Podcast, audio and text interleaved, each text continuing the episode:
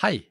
Denne episoden av Filmfrelst presenteres av Sett Filmtidsskrift, som i disse dager er ute med et nytt nummer der temaet er forfattere om film. Temaredaktør Tone Hødnebø har fått med syv forfattere som skriver om filmer som betyr mye for dem. Gunhild Øyehaug skriver for eksempel om Tarkovskijs Speil, som hun har sett 19 ganger, og Roska Koritsinski skriver om Agnieszka Hollands Den hemmelige hagen. Bestill nummeret på settnett.com og les det fra perm til perm. Et lite tips, skriver dere kodeord 'filmfrelst' der hvor man fyller ut land, får dere gratis porto. God fornøyelse.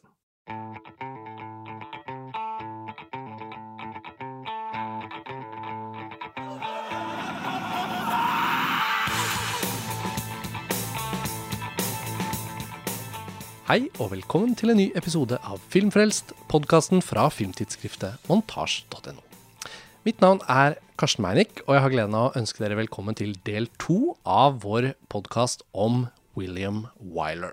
Og forrige del av denne podkasten er jo også publisert nylig, så vi plukker egentlig bare opp tråden der hvor vi var. Og i panelet så har vi fortsatt eh, Lars Ole Kristiansen. Hei, Karsten. Hei, Lars Ole. Og Erik Vågnes. Hei, hei. Og vi er jo her i Østfold med deg på besøk fra Ålesund, Erik. Og det er jo en høytidsanledning i seg selv. Og som vi sa i forrige episode, så har jo William Wyler vært en sånt felles prosjekt for oss. Ikke som en sånn typisk jobbting, men som en glede vi har som filminteresserte til å sette oss inn i en filmskaper vi ble inspirert i kollektiv ånd til å se flere filmer av. Nettopp William Wyler. Og for de som da har hørt del 1, som jeg håper alle har hørt, og hvis dere nå trykker play og ikke har hørt del 1, så kan dere gå tilbake og høre del 1 før dere hører denne episoden, så slapp vi jo taket der hvor William Wyler har vært i hæren, i den amerikanske hæren som filmskaper, og uh, deltatt i andre verdenskrig. Kommet hjem igjen med en krigsskade. Han har mistet hørselen nesten helt, men han har noe hørsel på ett av ørene sine. Og um, kommer jo da litt sånn shell-shocked tilbake da, til uh, Hollywood og skal plukke opp uh, filmskapergjerningen sin igjen. Og da lager han The Best Years of Our Lives, som kommer ut i 1946, og som blir den siste filmen han gjør med Samuel Goldwyn som produsent. Og filmen er jo et mesterverk. Og vi skal i denne episoden snakke om en god del Wiley-filmer. så som vi varslet i del 1, så blir det ikke sånne dypdykk for hver eneste film. Og det er klart at Best Years of Our Lives er jo en av de vanskeligere filmene å da ikke ende opp med å ha et dypdykk i, fordi den er så rik og så spennende. Og, men vi må likevel selvfølgelig snakke Det er jo en helt sånn toppfilm i, i Wiley-filmografien, Lars Ole. og og den kommer jo veldig rett ut av det han nettopp har opplevd. Det er en åpenbart selvbiografisk eh, film, til dels, eh, i og med at vi følger tre soldater som har vært ute i andre verdenskrig, og som møter hverandre tilfeldig når de skal hjem igjen. Og de bor jo da i den samme byen, og det, det blir liksom åpenbart med en gang at de kommer til å ha en viss kontakt. Og det er en middelaldrende mann som uh, kom hjem til sin kone og sin datter i et særdeles møblert hjem. Og så følger vi en litt mer sånn vagabondaktig type som eh, kommer hjem til en kone som nær sagt har begynt eh, en slags ny tilværelse i hans fravær. Og så er det en ung mann som har mistet begge hendene sine og har fått de erstattet med noen kroker og som er forlovet med det som vel er hans uh, nabo. Men han frykter jo da at måten han har liksom blitt lemlestet på, vil forårsake at hun kommer til å angre seg, og at de ikke kommer til å kunne få det livet som han har drømt om, og som var hele hans motivasjon under krigen, å kunne komme tilbake til henne og starte den beste delen av livet. Ja, og det å ha tre sånne veteranfortellinger, da, som også er så uh, nært til krigen Altså, når man ser denne filmen i dag, så ser man jo også en film som er laget umiddelbart etter at andre verdenskrig er over, og uh, den liksom eh, presenslignende, litt sånn eh, nære eh, og, og, det er behandlet kunstnerisk av Wyler selvfølgelig som en filmskaper, men den, den er også en film som er laget rett i det. At, at det, derre der veldig sånn tilbakeblikket blir ikke like styrende for denne fortellingen. Og det styrer filmens stil også, fordi den er så tett på. Wyler er jo egentlig kjent for å være ganske kresen hva gjelder bruk av nærbilder. Men den filmen, i den filmen her er det flere av dem, uh, og færre liksom eh, kamerakrumspring. Eh, I det hele tatt egentlig ganske lite kamerabevegelse, med unntak av et par eh, markante sekvenser. Og det er en sånn det, det hviler liksom en tung skygge av sorg, syns Mm. jeg, Mm. over hele filmen, som gjør det til en sånn elegi over, eh, over Amerika. Jeg er helt enig, og Uh, han uh, Den skuespilleren han som har mista handa si, jeg vet ikke om uh, har vi navnet? Harold Russell. Ja, han er jo egentlig ikke skuespiller, og har jo faktisk mista handa si i krigen. Og måten han spiller på, det naturalistiske skuespillet, er bare så hjerteskjærende. Og det er kanskje disse her eh, valga Wiler gjør med å tone ned liksom eh, kamerakjøringene og på en måte filmskapinga sånn sett, for å bare reindyrke følelsene som gjør at den filmen er bare så utrolig sterk den dag i dag. Måten de tak eller ikke klarer helt å takle det normale livet, hvor unaturlig det skulle føles ut å plutselig stå og jobbe i en eh, jernvarehandel når du kommer rett fra krigen, og ingen skjønner egentlig hva du har opplevd. Uh, når du prøver å snakke med dem hjemme, så er de på en annen planet. Altså, det er den kjerna i filmen som bare Jeg tror det vil alltid holde seg som, eh, som relevant og veldig gripende og sterk. Helt enig, og, og det er flere scener også underveis i filmen som på en måte utspiller seg dramatisk slik det presenteres i filmen, men som egentlig bare er små dramatiske hendelser i et menneskeliv. Men fordi Wyler da, gjennom å ta det store dramaet fra andre verdenskrig, og la det da være, og så eh, fokusere en hel film på de for disse enkeltmenneskene voldsomme dramatiske svingningene i deres liv som ferske veteraner. Da. Og, og at selv i de eh, relasjonene i filmen hvor det er stor forståelse ikke sant? Kvinnene som er eh, hjemme og som møter mennene sine og skjønner at de har opplevd forferdelige ting, de viser ikke noe sånn uvillig til å forstå alle. Noen gjør jo det, da, men noen av dem, sånn Teresa Wright, hun eh, som spiller eh, hun, eh, kona til han ene, hun Det er veldig sånn Ja, jeg skjønner. Hvordan kan jeg hjelpe deg? Og det at ikke det er det som er. Det er ikke en sånn Nei, fordi det, det er så ikke, rørende. Ja, for det er ikke nok. Nei, Eh, nettopp. Altså, fremmedgjøringen eh, er likevel ikke til å skyve unna, og jeg syns det er utrolig fint at Wyler egentlig ikke demoniserer noen i den filmen. Mm, At alle sine reaksjoner og følelser blir eh, respektert. Eh, og det, det er kanskje det som gjør at den er- virker så tidløs egentlig også, da. Mm. At eh, det å være i en vanskelig situasjon, f.eks. når man er en familie, det, det vil aldri være noe som kan uh, følge Man kan liksom aldri følge en bestemt oppskrift for å komme ut av det. Fordi det er ikke sånn mennesker er.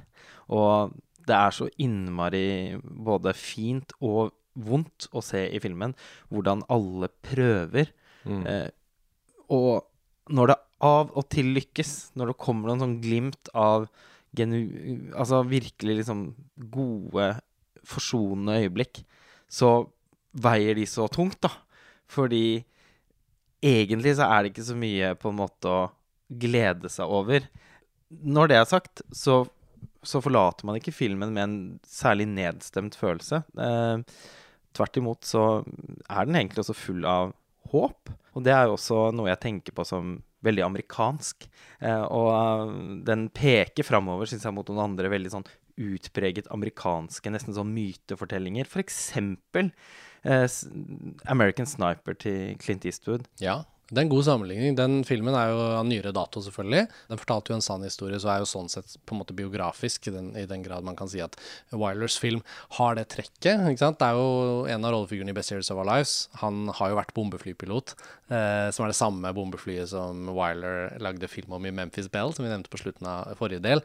Og eh, det er en sånn sekvens hvor han besøker en sånn flykirkegård, nærmest, og liksom gjenopplever en del ting fra krigen i, i møte med pi- cockpiten og, og sånn. Helt utrolig sekvens. Fantastisk sekvens. Og det er, jo ikke så, det er jo ikke sånn at det er masse sånn krigsscener i Best Years of Lives i det hele tatt, men vi føler på en måte nærmest krigens nærvær på den måten. da. Og i Eastwoods uh, American Sniper så er det jo også en krigsfilm om, om ham i krigen, spilt av Bradley Cooper. Og likevel så føler jeg sammenligningen er så god fordi den samme det vemodet og den derre utgrunnelige s- eh, smerten som er internalisert for veteranene. Som mange godhjertede mennesker er villige til å gjøre alt de kan for å hjelpe dem med, men som likevel nesten ikke fins noen kur for. Og bare Det- det at de liksom skal eh, havne i en posisjon der de blir vurdert av andre, og så ut ifra eh, det å bli tildelt en rolle på den måten og skulle leve opp til Det er så mange eh, vanskelige eh, situasjoner som, som nødvendigvis eh, vil oppstå, da, som jeg syns at American Sniper er veldig god på å, å, å fange. En annen opplagt parallell er jo selvfølgelig hjortejegeren til Michael Cimino. Eh, som også har mye til felles med American Sniper, og som dessuten var kontroversiell eh, grunnet mange av de samme årsakene.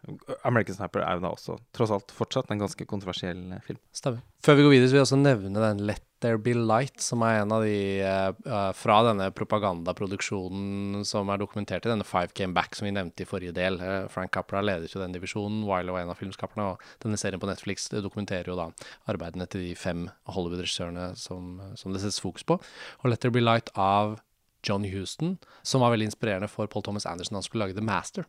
Den dokumentaren om liksom traumebehandling, altså veteraner som er på en måte helt de, de er hos psykologen og snakker liksom, og blir liksom dokumentert etter krigen. Er også en veldig sterk film som også ligger på Netflix, som jeg også har sett da i anledning i denne Five Came Back. Og det. Uh, ja, tematikken er i hvert fall utrolig godt behandlet av Wyler i The Best Years of Our Lives. Og det ble jo en enorm uh, suksess, rent sånn i form av kunstnerisk anerkjennelse, i hvert fall.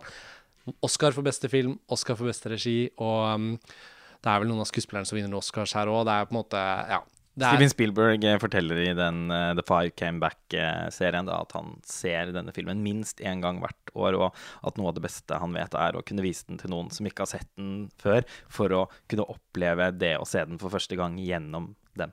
Fantastisk sitat, og vi kan jo bare videreformidle det da, til våre lyttere. at Hvis dere nå hører på og, og tenker at dette er et av de Wiler-hullene, da. Det var et av mine. Jeg nevnte jo i forrige del at eh, Ben Hur er det aller, aller største Wilder-hullet jeg hadde, og som jeg nå har tettet.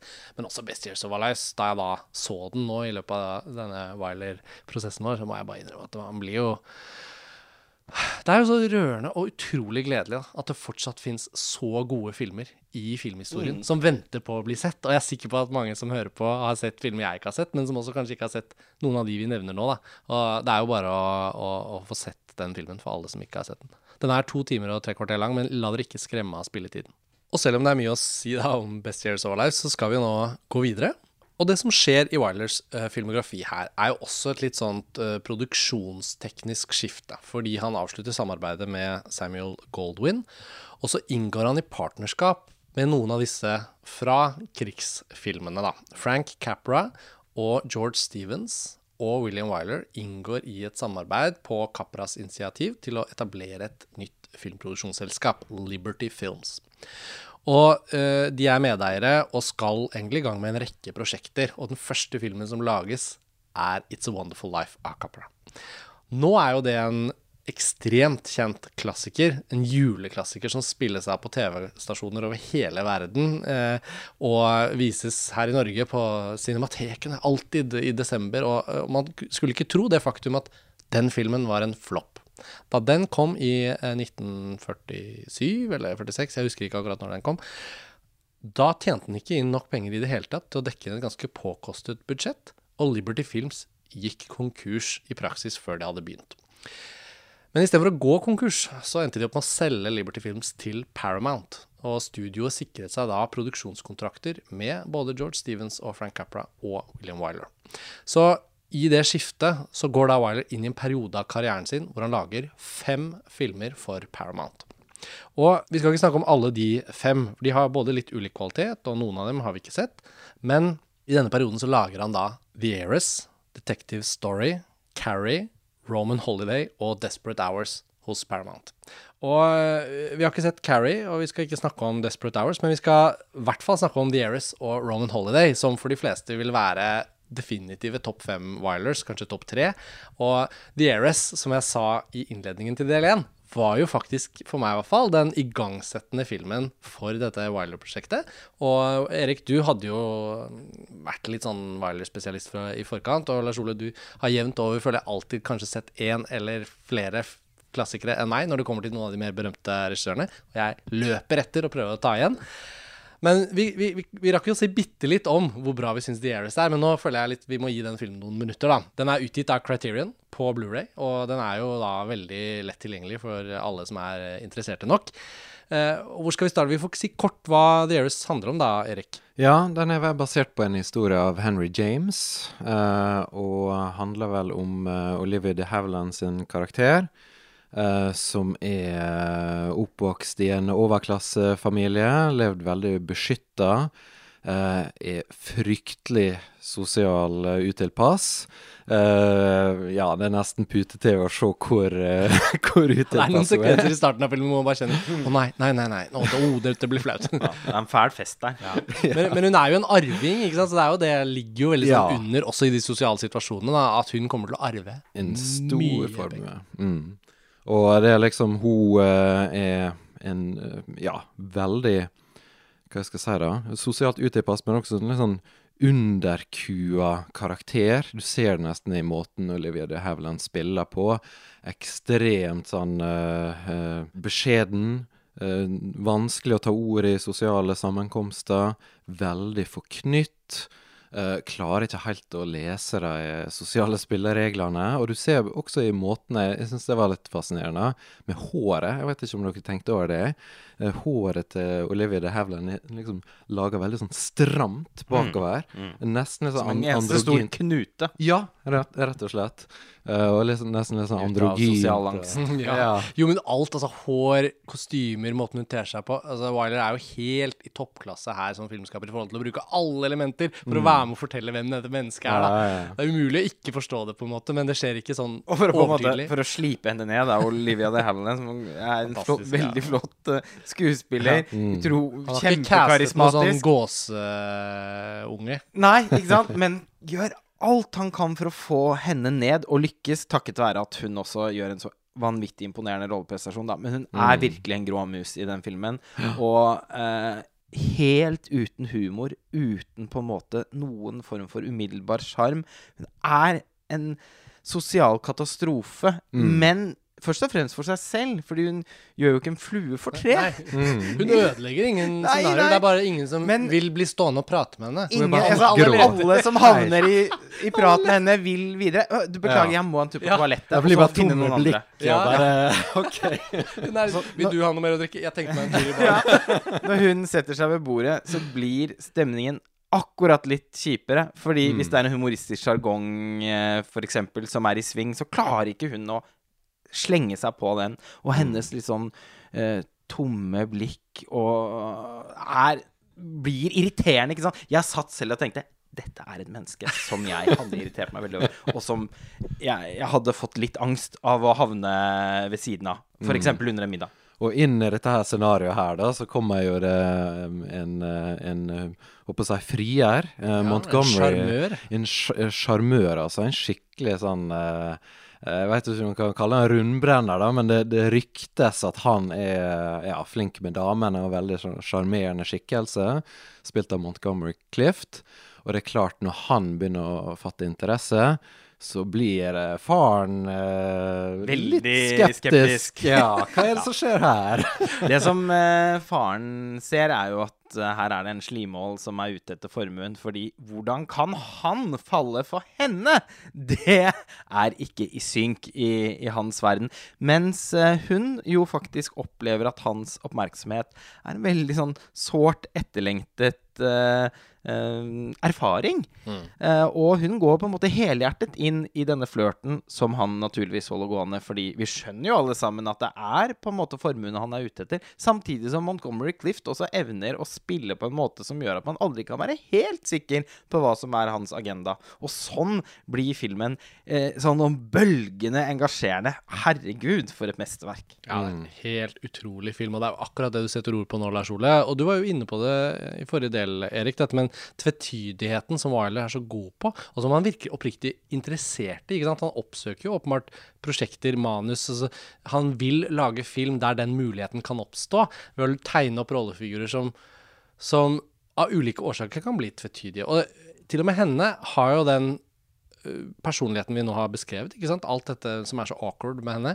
Men etter hvert som hun gror på oss i filmen, så klarer jo også Wyler, både med henne, å skape en sånn grå mus som etter hvert også hun får en sånn egen skjønnhet gjennom at vi blir kjent med henne. Som hun begynner å stråle fordi hun også får troen på noe. Sånn at liksom Wyler er også ute etter å la oss virkelig se at hun er mislykket, før han er på vei til å ta oss med og begynne å gi oss også muligheten til å skjønne at men kanskje hun virkelig Og så får man så innmari håp og tro for henne. Men filmen er jo altfor ond, da.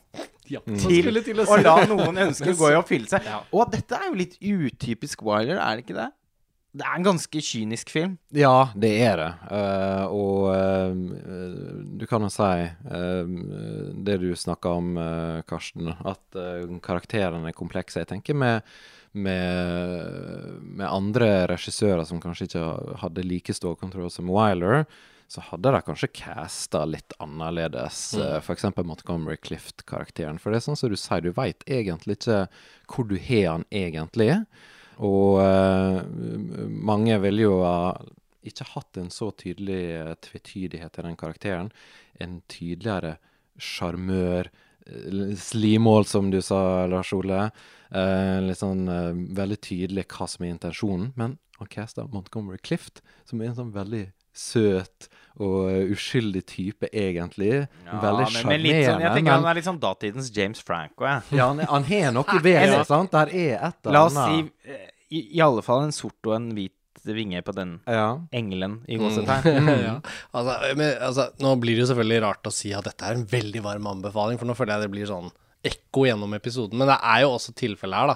At vi har jo latt oss totalt forføre av disse eh, Wiler-filmene. Og den ene glimrende filmen kommer etter den andre. Så kan man si at alle trenger ikke bære den betegnelsen mesterverk, men med The Heiress og Best Years of Our Lives rett etter hverandre. Ja, ja, ja. Nei, så, det er Så Kjære vene. det er helt jo- utrolig. Og, og han kom jo da ut av andre verdenskrig som menneske med sikkert noe nyfunnet kynisme i forhold til å skjønne at verden er faktisk i stand til å gjøre helt utrolig grusomme ting. da. Ja, ja. Og dette er eh, liksom gullalder-Hollywood på sitt absolutt beste.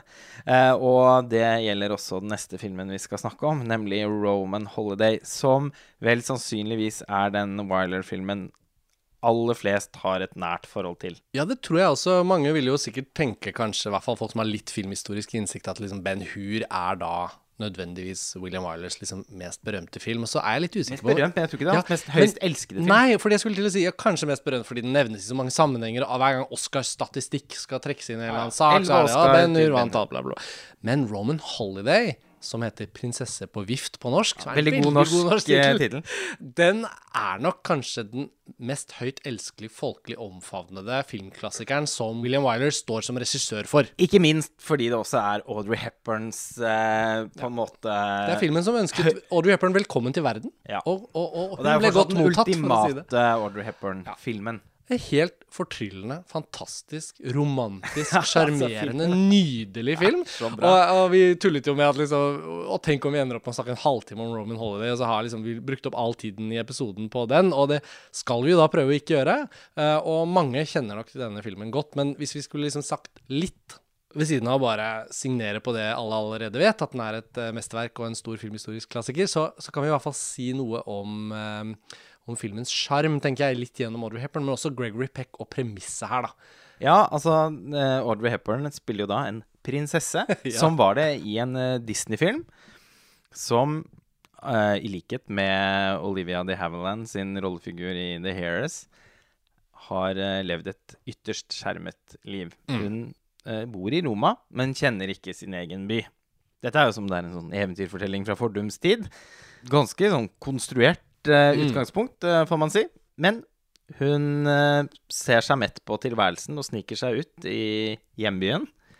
Og der blir hun kjent med journalisten eh, som jeg ikke husker navnet på, men som i alle fall er spilt av Gregory Peck. Ja. Og det er umiddelbare sparks mellom de to.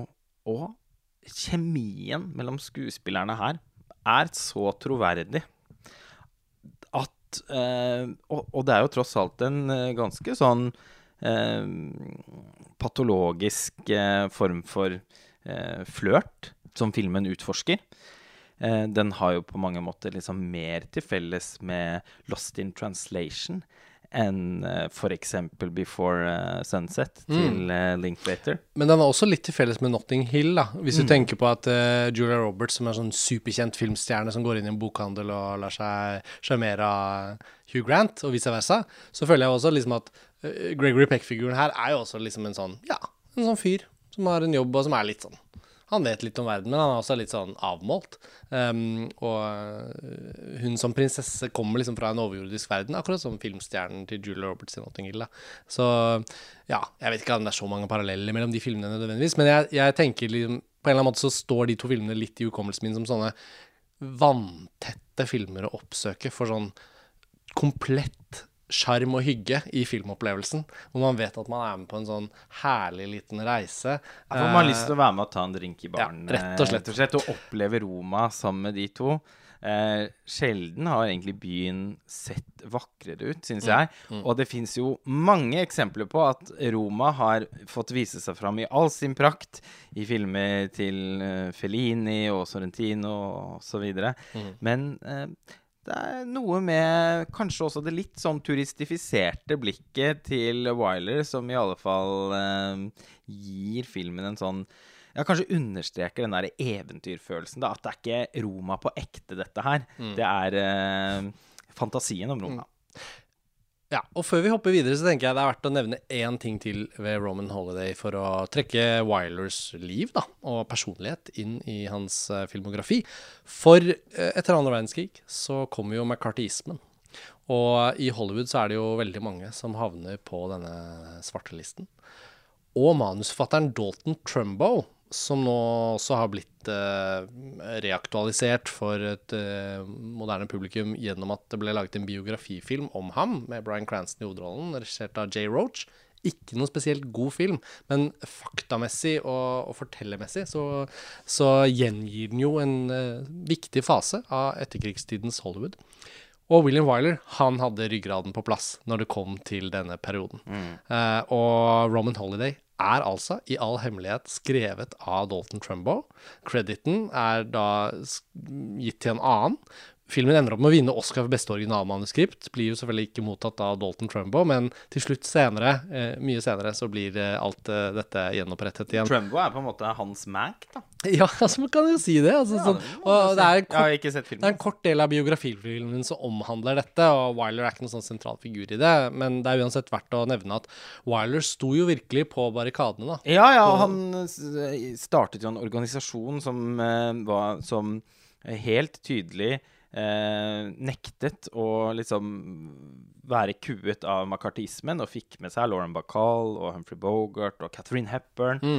For en helt han var på så mange måter. Ja, og jeg blir jo så, så, han er liksom så godt menneske òg, det føler jeg vi har blitt kjent med gjennom å, å dedikere oss litt ekstra til filmene hans. Altså, Så jeg bare følte her var det verdt å Og man blir skyte inn kjent det. med, det, med de sidene han gjennom filmene. I alle fall med unntak av The Airs. Men du, hva er ditt Bare sånn superkjapt, eh, Erik, i og med at du er liksom den store Wyler-eksperten her, hva er ditt forhold til Roman Holiday? Er den eh, for uh, konvensjonell for din Wyler-smak? Jeg må innrømme det.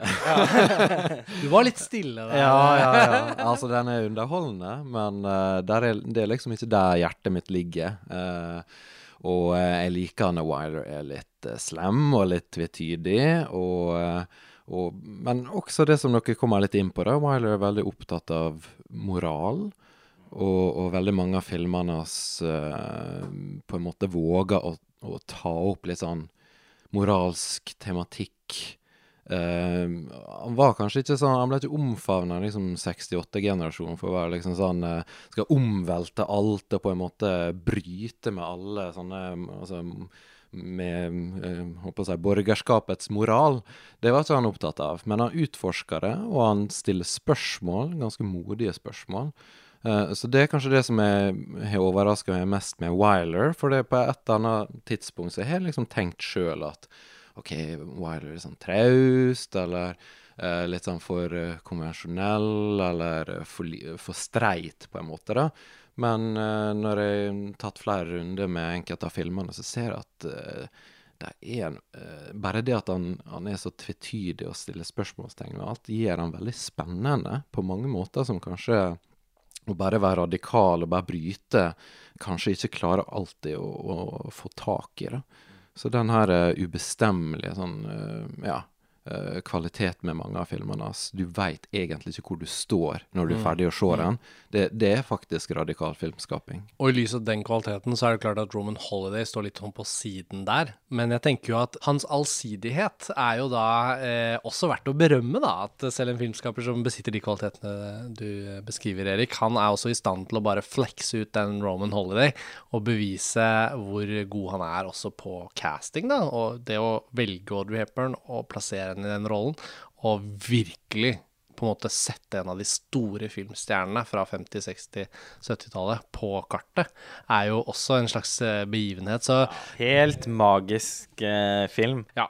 Og så, hvis vi da går videre, så er jo Paramount-fasen over, og um, jeg tror jeg er den eneste av oss som har sett Willy Wilers gullpalmevinner fra 1956, 'Friendly Persuasion'. Definitivt. Og det skal jeg være veldig kort på, men jeg, i min Wyler-begeistring, anskaffer jo da Friendly Persuasion, og tenker at han har vunnet en gullpalme også, i 1956. Det er jo helt fantastisk. Denne kommer jo til å være helt utrolig. Det var den første litt sure Wyler-filmen for meg. Da kjente jeg Ja, han kunne jo ikke signere filmer som én etter én er utrolig bra. Det måtte komme en film som skuffet meg litt, og det var da denne Friendly Persuasion. Handler om en eh, kvekerfamilie i den amerikanske borgerkrigen som sverger til pasifisme. Og de er rett og slett bare så Guds beste barn da, at de kan bare på en måte ikke gjøre noe kjipt eller feil. Eh, og så viser det seg etter hvert som da eh, det som i filmen tegnes opp som grusomme sørstatssoldater med voldtekter i blikket kommer i tusenvis oppover elven. Så er det klart at i filmen så skjønner man jo at da f.eks. Anthony Perkins rollefigur, som er sønnen i den familien, hvor Gary Cooper er liksom familieoverhodet, han Perkins vil jo gjerne gripe til våpen, da, forsvare familien og gården og landet og sånn. Så um, det blir en sånn moralsk diskusjon der òg, Erik. Men Nei, det er, en, eh, det er en stiv film, og den føles ikke som den puster og lever sånn som de andre Wilder-filmene. Men jeg har sett den, og jeg kan rapportere inn at den er det ikke noe vits å bruke tid på. Men hva med Ben Hur? Ja. Fordi dette er en film som jeg så i min liksom formative fase, og som den gang ikke vekket så stor begeistring hos meg. Men jeg var åpenbart altfor ung og hadde til hensikt å få sett den på nytt før dette opptaket, men rakk ikke det. For filmen er jo så lang. Nei. Nei, men altså eh, Det blir jo også en sånn film man vegrer seg litt for å plukke ned fra hyllen, nettopp fordi at man må sette av liksom en minst en hel formiddag.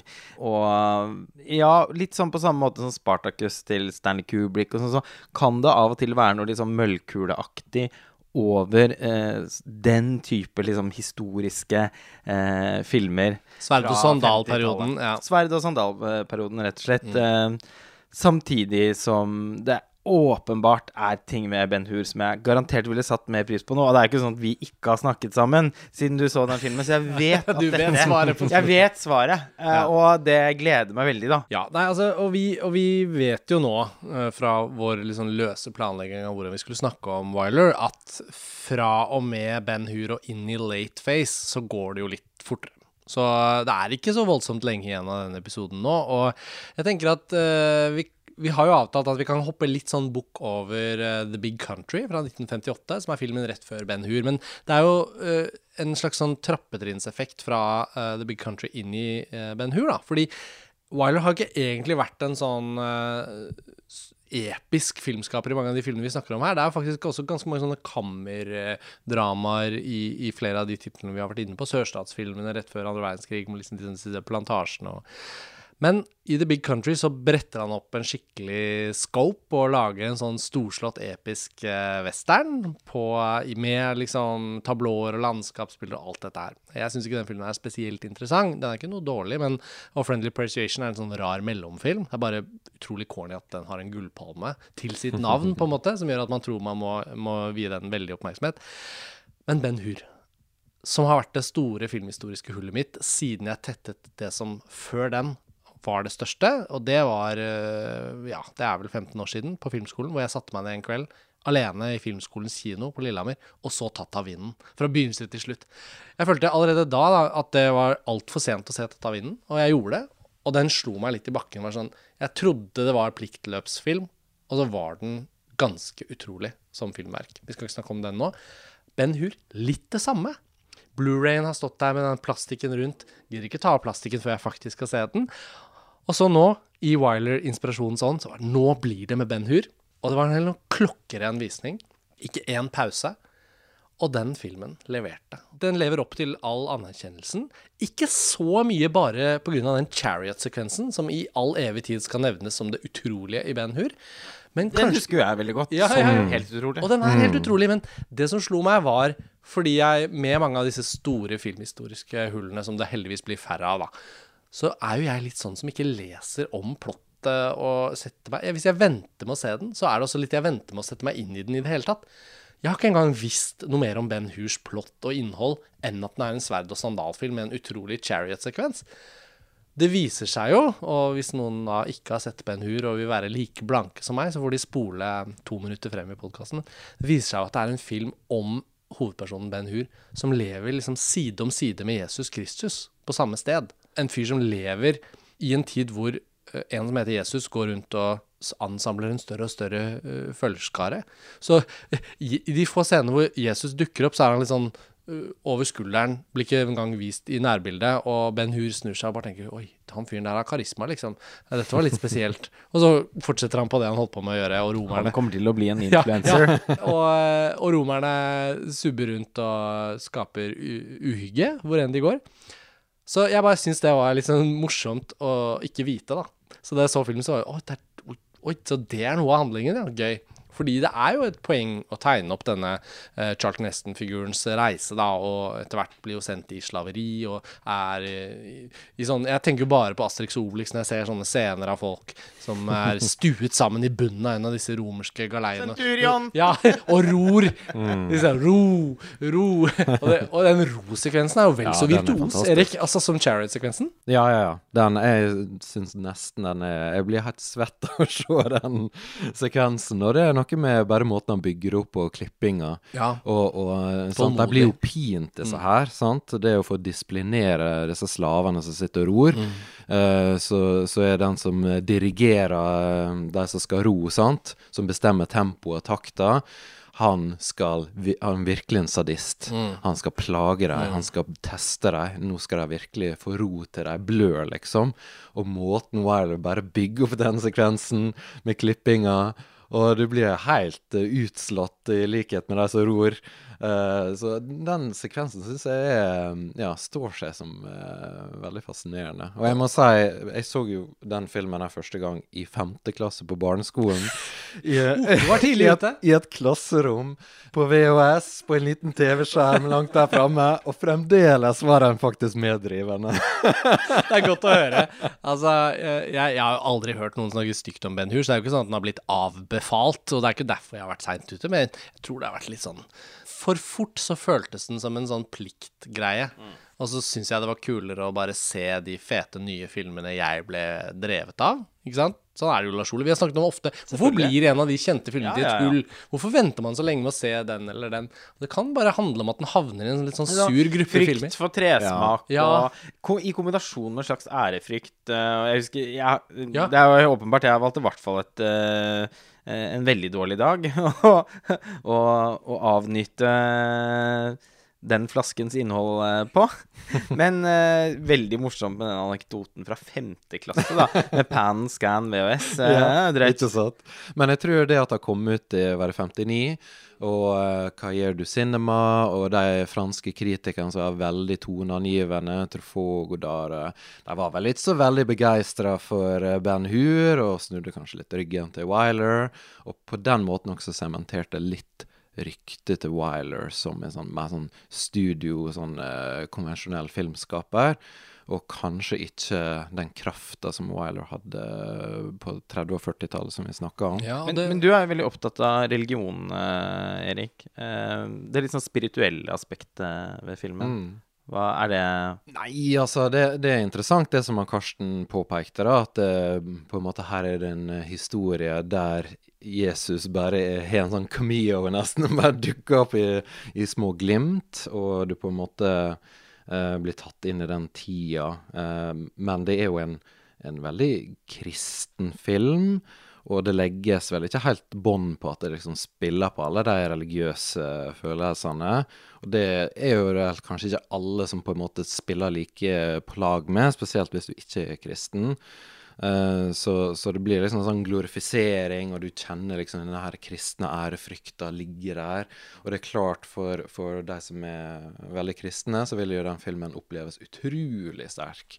Uh, så, så, der er jo det kanskje noen som ateister, f.eks., eller uh, agnostikere, som kanskje kan Ja, jeg vet ikke. Miste litt mm. motivasjon, kanskje. Men det er jo en veldig meddrivende fortelling likevel. Det er det, og så er det jo sånn interessant det premisset, for han Judah Ben-Hur er jo jødisk. En slags sånn Han tilhører overklassen og bor i sånn flott bygg og har det veldig bra. Og i ungdommen så danner han et nært vennskap til en sånn romersk uh, gutt som da han møter som voksen igjen. Som blir hans antagonistiske fiende da, i denne fortellingen. Og jeg tenker liksom at det er jo interessant å ta opp i seg kompleksiteten, egentlig, fra den tiden. I de landene sånn etnisiteter og religioner om hverandre, ting som skal bli med Jesus, da, ikke sant. Og romerne, deres rolle som sånn kolonimakt, egentlig. Altså, sånn, det, er, det, er, veldig komplekst, og det syns jeg egentlig den filmen klarer å skildre. Den er stiv, episk eh, cinemascope-film fra 1959, ja. Med liksom tusenvis av statister i de mest imponerende store bildene, og alt det der er der. Men den handler skikkelig om noe. Og jeg tror jo selvfølgelig det, og det har du hørt meg si mange ganger, Lars Ole, at liksom, til slutt så kan det sies så enkelt som at jo, uansett hvor kjent den var, og ditt og datt og sånn, så noe av det som imponerte meg mest, var handlet om noe. Mm. Ikke sant? Så det var jo en kjempespennende fortelling å følge. Tematikken er superrelevant, interessant. Og det, jeg tenker jo at uh, Av og til så har vi tullet med sånn, at Jesusfilm er en egen sjanger. At man kan liksom oppspille sånn OK, Passion of the Christ til Mel Gibson, og så har du Tempta eh, Last Temptation of Christ til Scorsese. Matteus Evangeliet til Pasolini. Og så har du den derre uh, Zeffirelli. Ikke sant? Du, har, du, kan samle opp litt, så kan du lage sånn Hvordan har de ulike Jesusfilmene vært? Ben Hur er jo faktisk også inn fra venstre. Selv om det er gøy at Jesus i seg selv er så liten figur der, så er jo egentlig filmen med på å tegne bildet av den tiden. Og det syns jeg er veldig spennende. Så vi, vi, trenger ikke ende opp med å, å, å, utbrodere noe voldsomt mye mer enn det, men det er jo ikke noen tvil om at da William Wyler, som 57 år gammel regissør, som da vinner sin tredje Oscar for regi med Ben Hur, en enorm suksess, påkostet, kjemperisikabelt prosjekt som viser seg å bli en enorm suksess. Da. Det er jo et slags toppunkt på en måte i karrieren eller filmografien. Eller liksom, da er han på sitt absolutte mest sånn. Og, og, han er jo hemmet av hørseltapet fra krigen og sånt. Så etter Ben Hur, hvis vi skal bevege oss over liksom the late face nå, så, så tenker jeg jo at det er, det er interessant at Wyler på en måte da returnerer til en fortelling han har prøvd å lage film av før. Fordi jeg vet at The Children's Hour fra 1962 er jo en av de liksom, Eller det er den siste filmen vi egentlig har tenkt og planlagt å snakke litt om, da. Fordi i den senere fasen så finnes det både en del titler mange av oss ikke har sett i det hele tatt. Og så Erik, du har, du har fulgt med litt på noe av det som skjer helt til slutt, så du kan få si det. Men jeg syns Children's Hour er verdt litt oppmerksomhet, da. Som man da første gang prøvde å lage i 1936, som These Three. Det er jo at den filmen har en sånn sprengkraft i sin eh, tematikk og i sitt premiss som han ikke kunne gjøre helt i 1936. Um, ehm, det ligger noen undertoner av uh, lesbisk uh, kjærlighet og, og, sånt i utgangspunktet her. Og det har han ikke kunnet inkludere i 1936 når han lager These Three. Og så, i 1962, returnerer han da til den samme kildematerialet med Lillian Hellman, og så lager de filmen med Audrey Hepburn og Shirley MacLaine i hovedrollene. Og Erik, jeg syns denne filmen er så spennende, og det er veldig relevant for hva vi gjennomlever nå i vår tid i 2021. Da. Så um, hvordan skal vi gripe denne an? Vi får si litt om utgangspunktet, kanskje? Ja, det er vel uh, Audrey Hepburn og uh, McLean som uh, driver en slags internatskole ja. for, for jenter. Uh, og uh, på en måte styre den, og vi blir tatt med litt inn i hvordan, hvordan de driver den skolen. Uh, og så ligger det da en, en, lengsel, en romantisk lengsel fra Shirley MacLaine sin karakter. Så, som selvfølgelig er tabu på den tida. Mm. undertrykt. Og hun er veldig fortvilt, men ikke åpen om det. Uh, og så er det vel uh, et av barna som føler seg litt forbigått, og er sikkert plukka opp kanskje noen av de signalene, og eh, på en måte eh, kommer med en, med en anklage, da.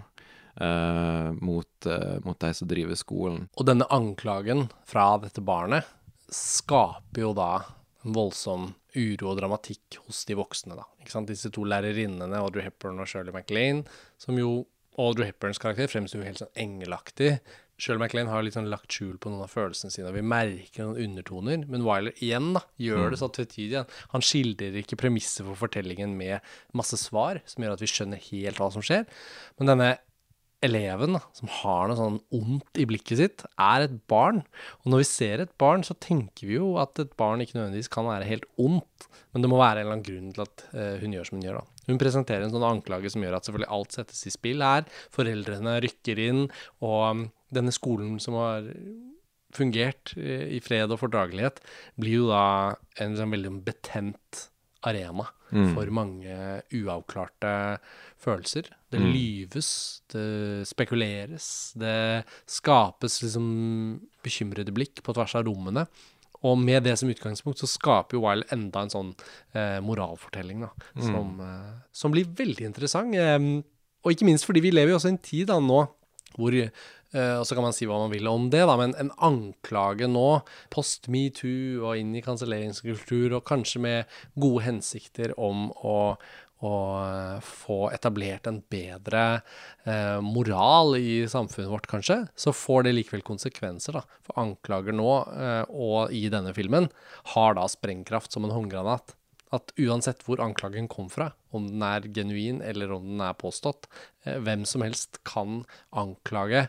Og når den håndgranaten går av, er det en skade som skjer, og den er uopprettelig. Uansett hva man ender opp med å finne ut av til slutt. da. Så det premisset for The Children's Hour er jo kjempeinteressant. Og Wyler legger jo ingenting imellom.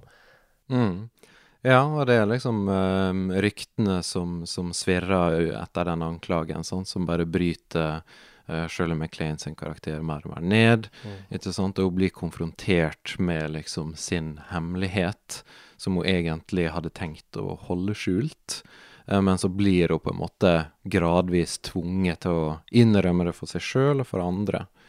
Um, så ja, det er en veldig interessant, uh, interessant historie, sånn sett. Jeg føler filmen er sånn Hvis, hvis NRK for eksempel bare nå ut av det blå hadde kjøpt TV-rettighetene til uh, Vi har jo begge sett filmen på Blu-ray. Den er jo flott restaurert og er jo bare å, å vise i en hvilken som helst sammenheng. Hvis NRK bare hadde vist den filmen nå på TV, NRK1 en lørdag kveld ja, den er svart-hvitt, og den er fra 1962, men det er Audrey Hepburn. ikke sant? Det er ikke noe vanskelig å liksom presentere den i TV-guiden. Den hadde jo virkelig gjort inntrykk. Det er så sterk film, og den er snart 50 år gammel. Og man blir bare så imponert over nok en gang da, hva Wyler er i stand til, fordi han har denne ryggraden som menneske og som filmskaper. og nå har vi nevnt det mange ganger, men det går igjen enda en gang da, i denne filmen. Og han har selv eh, med et visst vemod sagt da, at eh, første gangen han prøvde å lage film av denne historien, så var, eh, så var koden i Hollywood, Haze Hays Code, var jo da på plass. Og de kunne ikke snakke om lesbiske undertoner i, i, i liksom identitet og seksualitet. Og de måtte liksom legge lokk på en del av det som lå i fortellingen, eh, i hennes opprinnelige skuespill, Lillian Hellman. Og filmen ble en stor suksess i 1936. Og var med å liksom få Wyler i gang som filmskaper. Og så lager han den om igjen i 1962, og da er han jo ikke sant, Han har vunnet tre Oscar for beste regi, Ben Hur og alt det vi nettopp har snakket om. Så han har jo ikke kanskje så mye å tape selv som enkeltperson. Men Children's Hour, som er så tro mot premisset som lå i den fortellingen, blir jo ikke en suksess. Og eh, han snakker om det med et visst vemod, da, at eh, som filmskaper så må du akseptere utrolig mange svingninger. Eh, suksess og, eh, og nederlag går hånd i hånd, og du må bare stole på at det du har laget, kan tåle tidens stand. Da. Og jeg opplever virkelig at mens vi har satt oss inn i disse Wiley-filmene, så mer og mer tenker jeg at liksom han har jo selv også vært en filmskaper som svingte i popularitet. Du snakket om det med ikke sant, Kaedu Cinema, nybølgefilmskaperne. De valgte noen av disse eh, Hollywood-filmskaperne som de forgudet. John Ford eh, osv. Og, så var det andre som liksom ikke var så hippe da, på 60-tallet. Og utrolig nok så ble jo Wiler en av dem. Men nå, med 2021-øyne, så tenker jeg at Wilers filmografi er jo kanskje noe av det som kommer til å vare lengst. da. Nettopp fordi han har disse grunnleggende eh, overbevisningene og humanisme, som, som, som er tross alt det som varer lengst. Mm. Veldig godt poeng. Erik, jeg må da gi ordet litt til deg når vi kommer inn i the late phase, da. For her er det noen Wilder-filmer vi ikke har uh, rukket å se. Jeg må innrømme at denne inspirerte fasen som har vart ca. et år, har vært litt kronologisk for min del. Så jeg har liksom mm. jobbet meg gjennom mange av disse Wilder-filmene med utgangspunkt i de første filmene og så. Så jeg har ikke kommet helt til andre halvdel av 60-tallet, da. Mm. Men han lagde jo en musikal med Barbara Streisand, 'Funny Girl', mm. som jeg har fått på Blue og gleder meg til å se. Han lagde um, 'How to Marry a Millionaire', med, også med Audrey Hepburn, eh, som jeg også gleder meg til å se. Og så avsluttet han med en film som du har sett. Jeg tenkte ja. det føles naturlig å oppsummere denne todelte podkasten med den aller siste filmen, da. For den mm. er det bare du som har sett, så du får fortelle oss eh, litt om den. Ja, jeg syns det er litt interessant uh, nå når vi på en måte har tatt et litt større dypdykk ned i Wyler. Så jeg merker at det er en del av filmene som uh, ikke blir snakka noe særlig om, har kanskje undervurdert og tenkt at ja jeg, Sånn som eksempel Detective Story med Kirk Douglas. Jeg tenkte ja, det så ut som en helt OK handling, og det er sikkert ikke så veldig spennende. Veldig interessant film. Uh, Kirk Douglas spiller utrolig bra. Uh, og The Liberation of eh, LB Jones, som er den siste filmen Wilder laga i 1970, den er jo ikke snakka om i det hele tatt. veldig glemt film. Og eh, altså det er klart, den har jo ikke produksjonskostnaden som man hadde i storhetsdagene, for å si det mildt. Det ser veldig 70-talls ut. Nå så jeg den faktisk på YouTube. Ja, Du den tipset meg om at den ligger ute på YouTube, ja. For ja. den er heller ikke så veldig lett å få tak i. Nei, det er ikke så lett å få tak i en skikkelig eh, versjon i, i fysisk format. Så, men den ligger på YouTube, så det er liksom vanskelig å tenke seg hvordan en restaurert versjon, hvor flott den egentlig kunne sett ut. da. Mm. Men det ser ut som en sånn uh, type 70-tallsproduksjon, da. Ikke så veldig imponerende på den måten, men det føles annerledes ut. Og det er litt mm. spennende med Wiler, at den ikke føles så perfeksjonistisk ut i foto og kulisse og måten, uh, måten ting, uh, altså filmen ser ut på. da. Uh, men veldig spennende film, egentlig. Um, og en film som faktisk Tarantino også har nevnt som, som interessant å se. For den har litt sånn kult moderne plott, eller hva skal vi si. Den har jo på en ja. måte den, den, har jo en slags sånn uh, tematikk, i hvert fall ut fra hva jeg har lest. Da. Ja.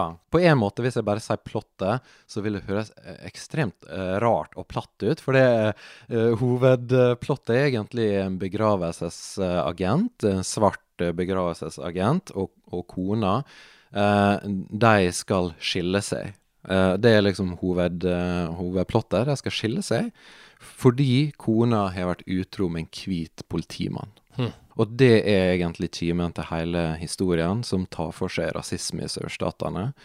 Og eh, det er klart, hvis de skal skille seg, så må det bli eh, altså offentlig dokument på hvorfor, ikke sant?